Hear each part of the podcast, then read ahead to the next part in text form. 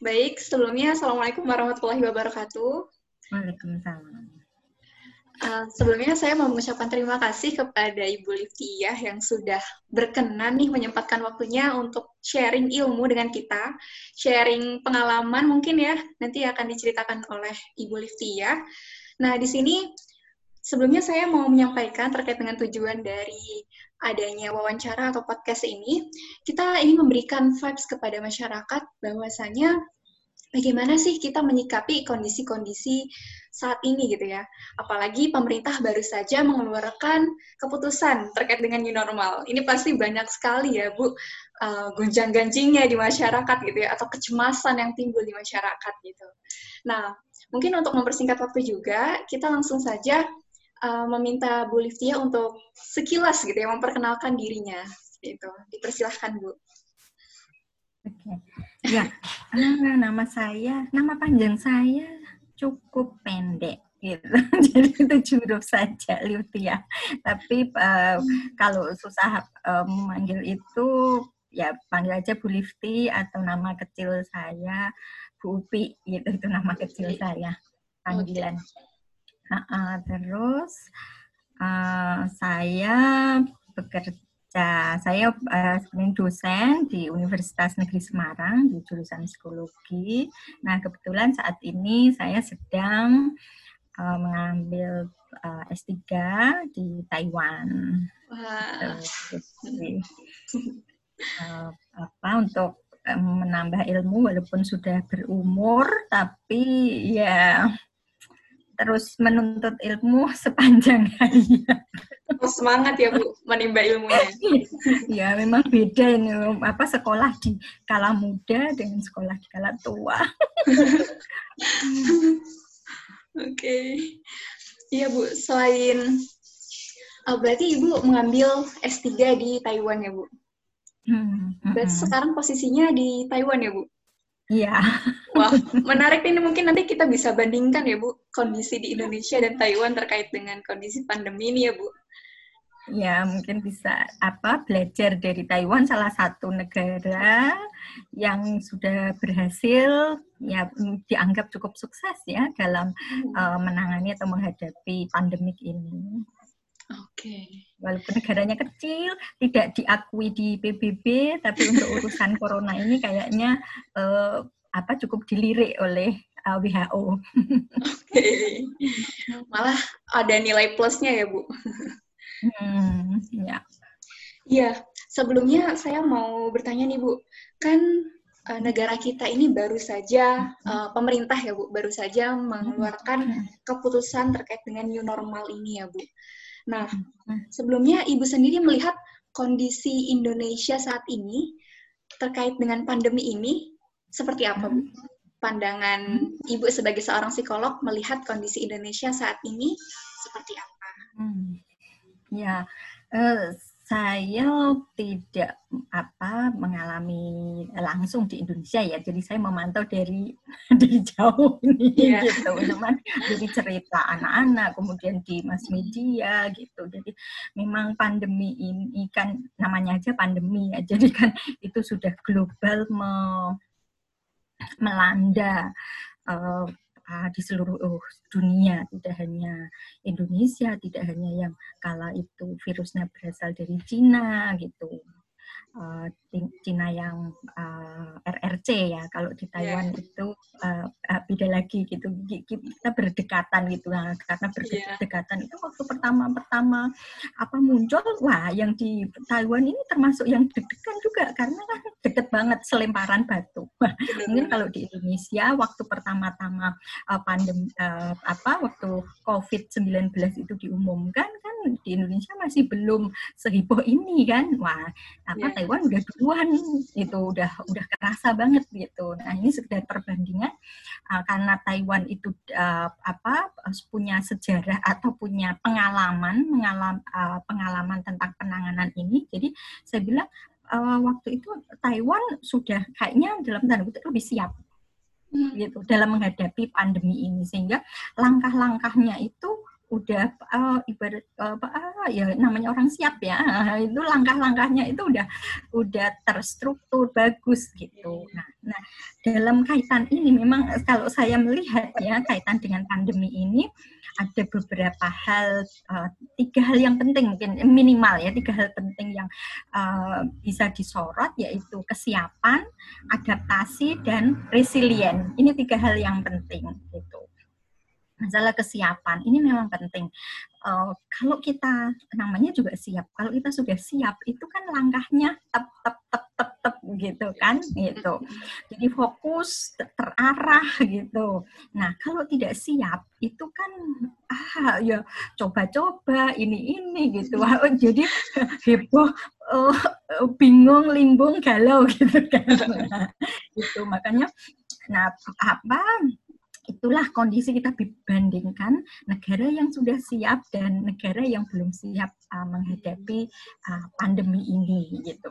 Jadi uh, saya bercerita pada negara yang sudah siap salah satunya adalah Taiwan gitu dan ini memang apa kesiapan ini didukung uh, penuh dari uh, apa ya uh, pemerintah dan juga masyarakatnya masyarakatnya itu mendukung penuh uh, saya kalau saya melihat itu dilihat dari kepatuhannya.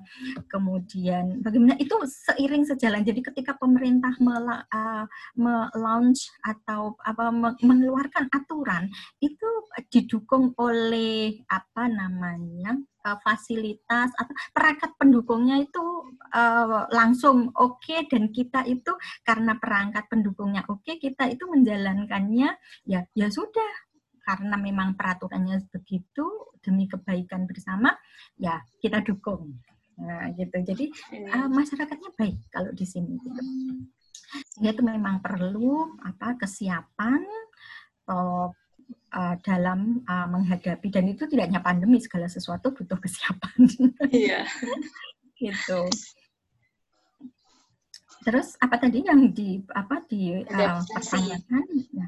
oh ya ya Uh, nah, kalau kita lihat dari uh, kesiapan atau ini ya karena kita sudah uh, uh, dipersiapkan itu ya apa kondisi psikologisnya dan kondisi uh, ininya nggak nggak terlalu uh, goncang banget gitu. Jadi, nah beberapa yang apa bisa saya uh, dari ini, ini ya oh ya secara umum itu kan kalau pandemi melihat dari eh, kalau kita belajar dari negara yang yang sudah mengalami lebih dulu, contohnya Cina di Wuhan begitu banyaknya korban itu kan menimbulkan ya ketakutan ketakutan tertentu gitu ya. Nah mungkin uh, secara psikologis uh, ketakutan itu bisa ber eh, apa ya berefek dua ya.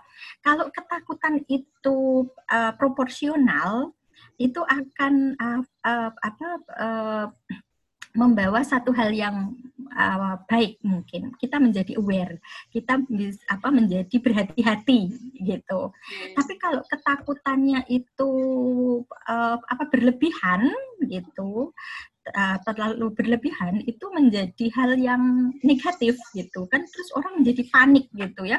Uh, banyak uh, apa uh, kemudian muncul kan panic buying gitu. Nah, itu kan karena kecemasan yang yang terlalu, yang over gitu. Kemudian kita panik dan terus kemudian banyak juga kepanikan itu menimbulkan uh, kecemasan dan apa ya namanya itu? Ya overestimate juga. Kita merasakan gejala uh, apa kadang-kadang eh kayak, saya udah terkena corona ya? Eh saya ini ya? Itu banyak orang-orang tua itu yang merasa seperti itu gitu. Eh jangan-jangan saya saat ini kena corona ya? Baru ada ini ini gitu. Jadi koyonnya dipas-pas kayak gitu. Itu karena kita terlalu over gitu. Jadi memang ini perlu perlu proporsional. Karena kalau kita tidak merasa cemas itu biasanya abai menganggap nggak serius gitu. Alah apa sih corona? Ah enggak gitu.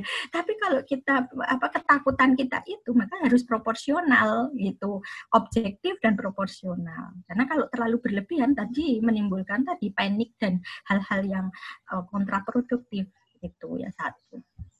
Terus corona ini juga menimbulkan stigma ya kan?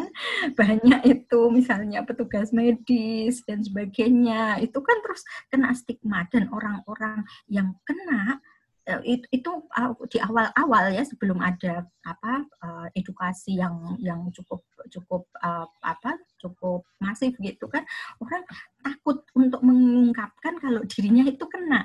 Nah, ya kan? Karena apa? Takut stigma gitu. Terus dijauhi dan aku nggak mau ah kamu kena wah itu banyak satu banyak. Padahal kan kita kalau kita maksudnya kan baik kan kalau kita declare itu untuk membantu oh siapa saja yang pernah berhubungan dengan saya misalnya ya berhubungan dengan itu barang dia perlu uh, segera untuk tes gitu ya untuk apa men, uh, melakukan langkah-langkah selanjutnya supaya atau mengantisipasi hal-hal yang tidak diinginkan gitu kan maksudnya itu. Tapi ketika orang itu berterus terang kemudian ada stigma itu muncul untuk ditakut dijauhi dan sebagainya itu nanti yang yang apa menjadi kontraproduktif. Nah, kemudian juga ini apa pandemi ini juga menimbulkan uncertainty jadi ketidakpastian kan tidak ada yang tahu sampai kapan ini akan berakhir gitu kan. Nanti yeah. gimana ini nanti? Oh iya iya pokoknya itulah kegalauan-kegalauan apa uh, itu yang terjadi itu apa itu dari segi sisi psikologisnya uh, pandemi ini menimbulkan itu tapi ya makanya ya itu tadi kesiapan menjadi hal yang uh, penting gitu sejauh kita apa me, uh, apa menghadapi uh, apa informasi, menghadapi kenyataan dan sebagainya itu memang uh, butuh uh, kesiapan. Tuh.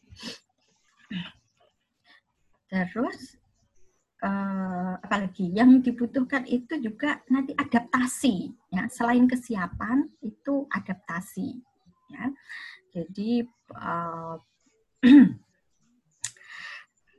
orang yang uh, boleh dikatakan orang yang apa ya orang yang akan sukses dalam tanda kutip menghadapi pandemi ini adalah orang yang uh, bisa beradaptasi. Dan ini mungkin juga secara umum tidak hanya tidak hanya menghadapi pandemi karena untuk uh, orang uh, adaptasi ini terutama dibutuhkan pada saat-saat yang sulit Hmm. Ini tuh butuh-butuh saat krisis itu orang memang butuh-butuh di uh, uh, ini pribadi yang tidak adaptif itu biasanya akan tergilas.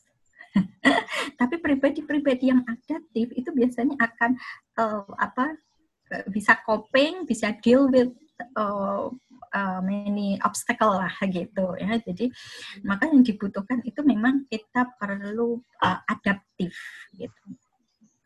Nah, uh, adaptif ini nanti ya nanti akan uh, adapta, uh, adaptif ini memang diperlukan untuk uh, apa itu nanti membentuk resiliensi.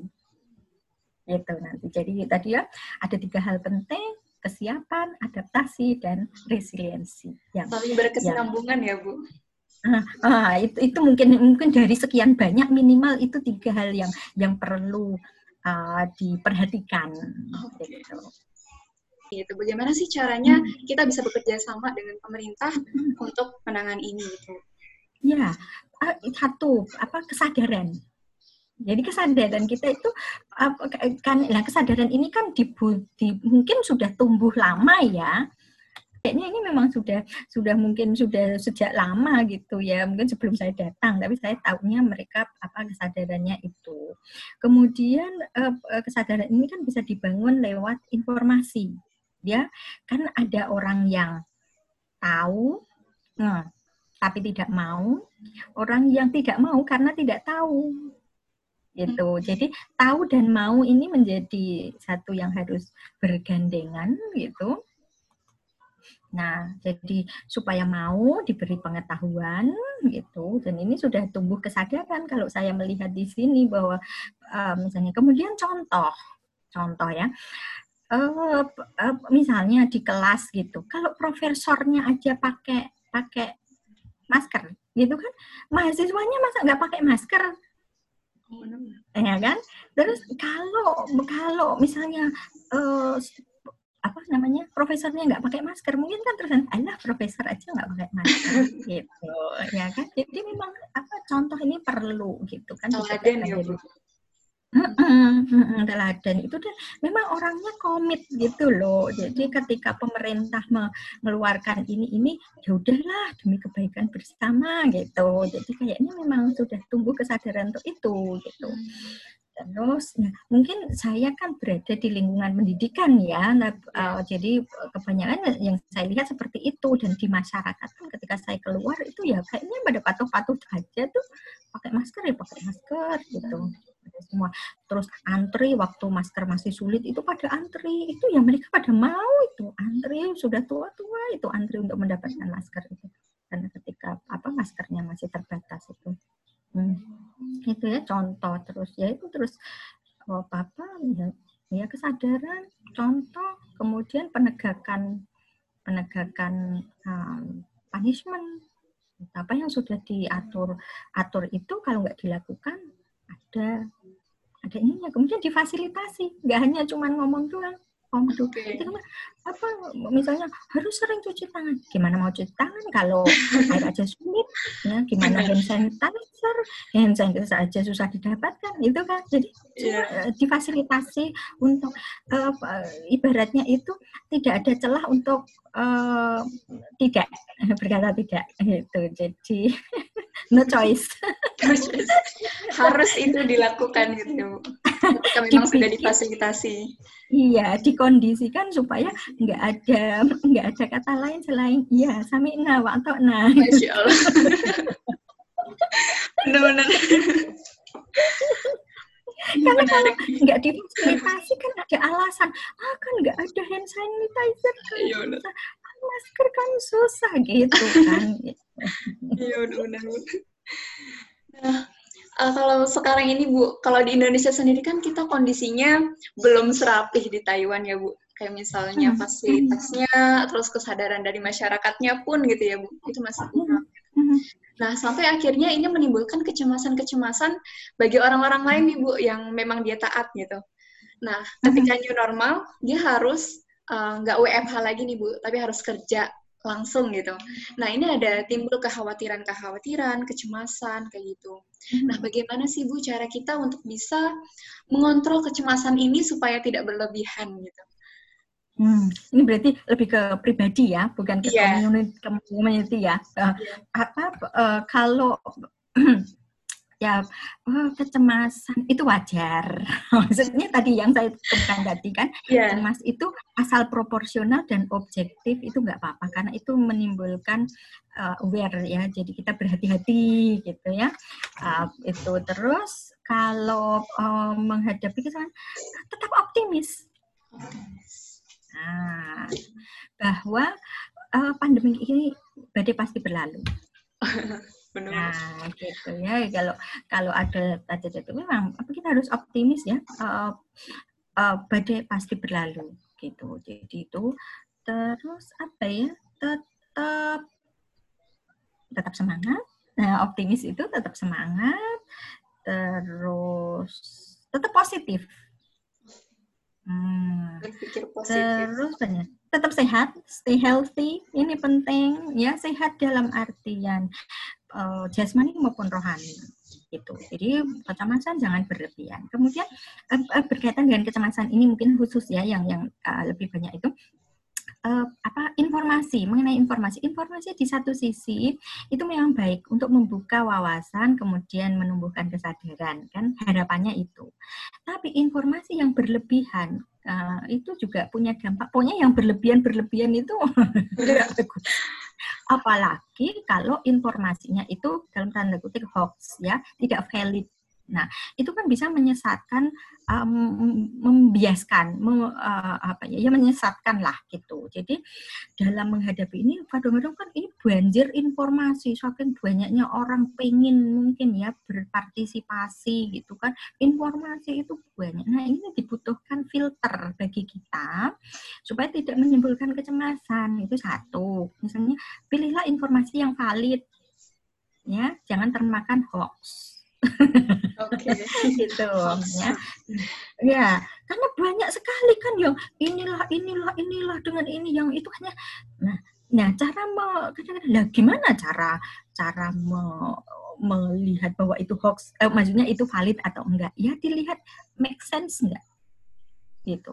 Kadangkala saking paniknya, paniknya orang itu kadang-kadang apa menjadi irasional gitu. Ya itu memang dimaklumi. Makanya kalau gitu kita tetap rasional gitu dalam mencerna informasi gitu ya.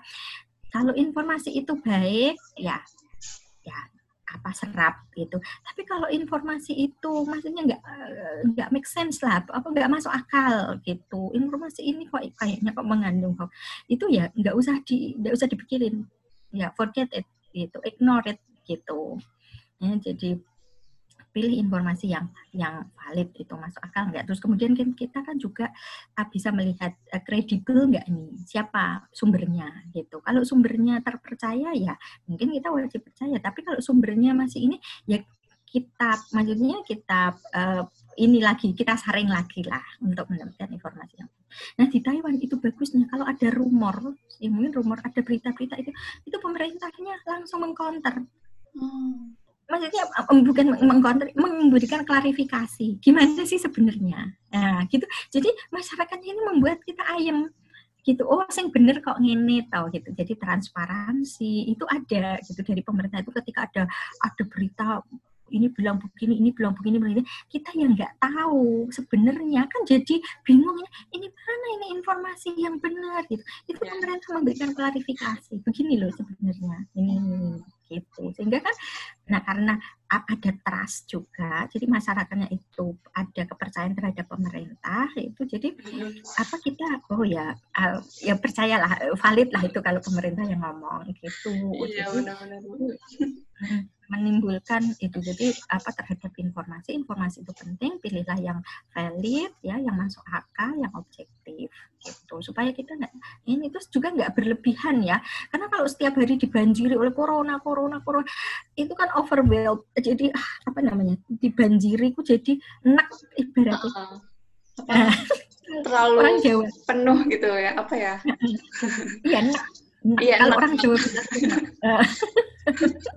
maka ya itu secukupnya gitu. Kalau kalau memang nggak penting ignore delete it gitu.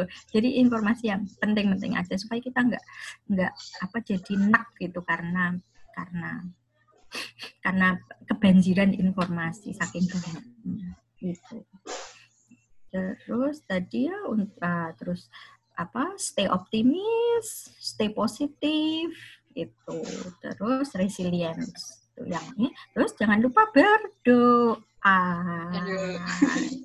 Penting itu ya bu.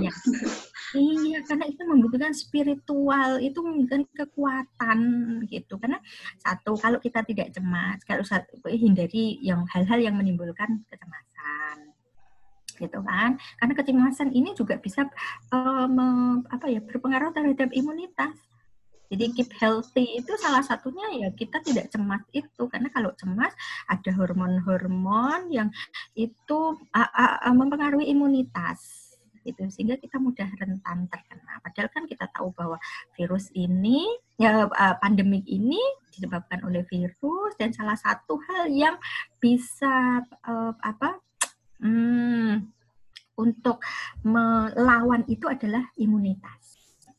Nah, maka dari segi psikologisnya jangan terlalu cemas atau hal-hal yang uh, menimbulkan itu.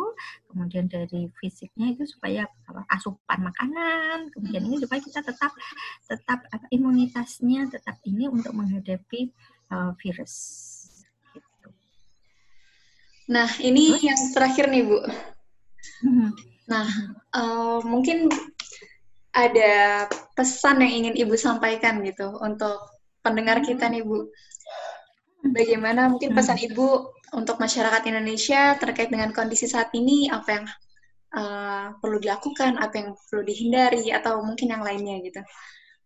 Hmm, ya tadi ya saya tadi kesiapan. Siap tidak siap? Kalau ditanyakan Indonesia siap nggak siap? Ya ini sudah nggak masalah ini sudah di depan mata nih. Jadi kita harus mau tidak mau harus siap menghadapi ini.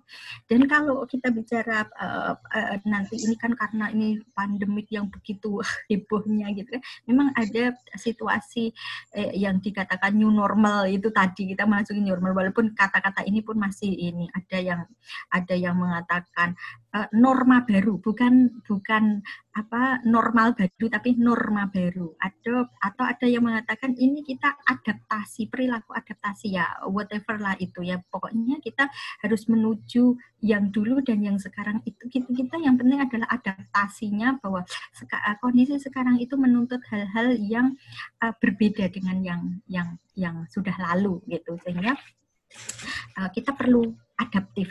Uh, kesiapannya itu berupa kemampuan kita untuk beradaptasi, mampu menampilkan perilaku-perilaku yang dibutuhkan pada saat itu. Misalnya untuk patuh menghadap apa memakai masker dan uh, apa untuk sering cuci tangan gitu. Bagi yang tidak biasa, perubahan ini kan menimbulkan hal yang tidak zap, tidak nyaman kan ya dari comfort zone yang biasanya maka ah belum lima menit Iya benar. Nah, nah, sekarang kan kita harus aware, eh, eh, ini dari mana ini tanganku juga kena apa gitu kan gitu. Jadi apa uh, kita perlu uh, uh, terus kemudian pakai masker itu kan juga nggak enak kan, nggak nyaman kan gitu. Tapi ya wis gimana lagi demi Ya, jadi kita, ibaratnya kita berakit-rakit ke hulu, berenang-renang ke tepian. Kayak ini, ya udah karena kondisinya memang menghendaki seperti itu ya, sudah, gimana lagi gitu. Nanti kita bersakit-sakit ini kan saya pikir tidak selamanya kayak di Taiwan sekarang sudah dilonggarkan gitu. Kita sudah di beberapa tempat sudah tidak mengharuskan masker, tidak usah periksa ini karena sudah nol cases, apa eh, kasus barunya sudah nggak ada gitu. Jadi boleh dianggapkan apa ya cukup aman lah sehingga kita ini yang penting adalah beradaptasi itu dengan apa perilaku apa yang dibutuhkan pada saat itu. Kemudian ini yang apa uh, resiliensi itu uh, menjadi pribadi yang tangguh resilient itu ya menjadi uh, tadi adaptasi menjadi pribadi yang luas mampu menghadapi tantangan ya. Jadi tantangan ini kan mungkin boleh dikatakan corona ini sebagai virus hikmahnya adalah corona ini menantang kita. Ya, sejauh mana kita bisa resilience gitu ya untuk me, apa ya uh, menemukan problem solving apa terhadap krisis-krisis krisis ekonomi dan sebagainya kan butuh butuh apa problem solving gitu Nah, pribadi-pribadi yang resilient biasanya itu siap dengan problem solving yang sudah sudah ini, kemudian stay positif. Ya kan? Jadi terima kasih corona ya. Jadi pokoknya diambil diambil uh, sisi baiknya bahwa ada hal-hal yang apa menekan ada hal-hal yang membuat kita susah. So, corona memang apa membuat kita susah gitu. Kadang-kadang saya suka suka bercanda dengan teman saya corona? Oh corona. Gitu. Karena berbagai kesulitan apa krisis itu menghadapi ini tapi kita tetap stay positif bahwa uh, akan ada jalan gitu Terus kemudian ini corona ini juga kayaknya di satu sisi ada eh, kita ngomongin yang positif-positif ya. Yeah. kan tadi stay positif ya. Salah satunya positif ini menimbulkan empati. Ya kan? Banyak kemudian apa kita berdonasi, kita ini saling ini kalau ada uh, social distancing, ada uh, apa uh, ada pembatasan sosial tapi di di satu sisi juga melibatkan kedekatan Ya, gitu ya secara uh, berempati melibatkan kolaborasi dan sebagainya. Kemudian juga harus menimbulkan optimisme bahwa ini akan berakhir dan akan ada uh, apa ya future yang lebih baik nah, ke depan itu hal-hal yang lebih baik. Kemudian kita bisa bertekad bahwa eh, bersakit-sakit ke hulu, eh, berakit-akit ke hulu, bersenang-senang ke tepian. Oke lah, ini apa uh, ini kan uh, kita tetap optimis bahwa ini adalah sementara. Ya ke depan uh, harus uh, lebih baik. Kemudian uh, tetap produktif Ya, ini kayaknya corona mengajarkan kita untuk bagaimana di situasi yang demikian tidak menentu ini kita harus tetap produktif. Ya, ini apa? Ini pemuda-pemudi ini ya gimana caranya supaya tetap produktif ya dengan cara masing-masing, dengan keahlian masing-masing di bidang masing-masing. Itu kayaknya Mbak yang apa lagi ya? Yang penting ya terus tetap berdoa, saling memberikan support itu yang yang penting. Ketika kita ada masalah kemudian uh, banyak yang support kan masalah jadi nggak terlalu ringan. Ya ada temennya gitu. Yang mensupport. Kalau misalnya nanti menghadapi kebosanan-kebosanan nih kayaknya anak-anak muda ini pada kreatif nih mau mengatasi kebosanan dengan produktif tadi untuk berpikir. Ya kayaknya ada insight-insight baru lah dari uh, corona ini memberikan insight-insight baru apalagi yang pemuda-pemudi ini pikirannya kan dinamis ya. Nah itu. Jadi biasanya itu orang yang dinamis itu cepat timbul insight. Nah gitu. Untuk membuat terobosan-terobosan baru sehingga tetap produktif menuju hari depan yang lebih baik Ya. Stay healthy, stay optimis, stay positif, stay produktif, ya, dan tetap uh, berdoa terus. Semoga kita diberikan kesehatan, semoga ya yang terbaik ya untuk uh, ke depannya. Amin. Iya, mungkin itu saja Bu yang ingin saya tanyakan terkait dengan hmm. sesi hari ini. Saya mau mengucapkan terima kasih banyak buat Ibu yang udah mau meluangkan waktunya. Ya, sama dengan senang hati. Dengan Walaupun senang kita hati, berjarak ya Bu, kita tetap bisa sharing ilmu gitu ya Bu, sharing hmm. pengalaman gitu ya terkait dengan corona ini. Semoga teman-teman yang mendengarkan ini bisa mengambil hikmah, mengambil pelajaran dan mungkin jadi lebih positif ya Bu, lebih optimis untuk menghadapi uh, masa-masa uh, seperti ini saat ini ya Bu. Hmm. Ya, kita bisa. Kita bisa, masya Allah, mantap banget Bu. Baik Ibu, terima kasih banyak. Uh, saya akhiri sesi ini. Uh, terima kasih. Wassalamualaikum warahmatullahi wabarakatuh. Waalaikumsalam warahmatullahi wabarakatuh.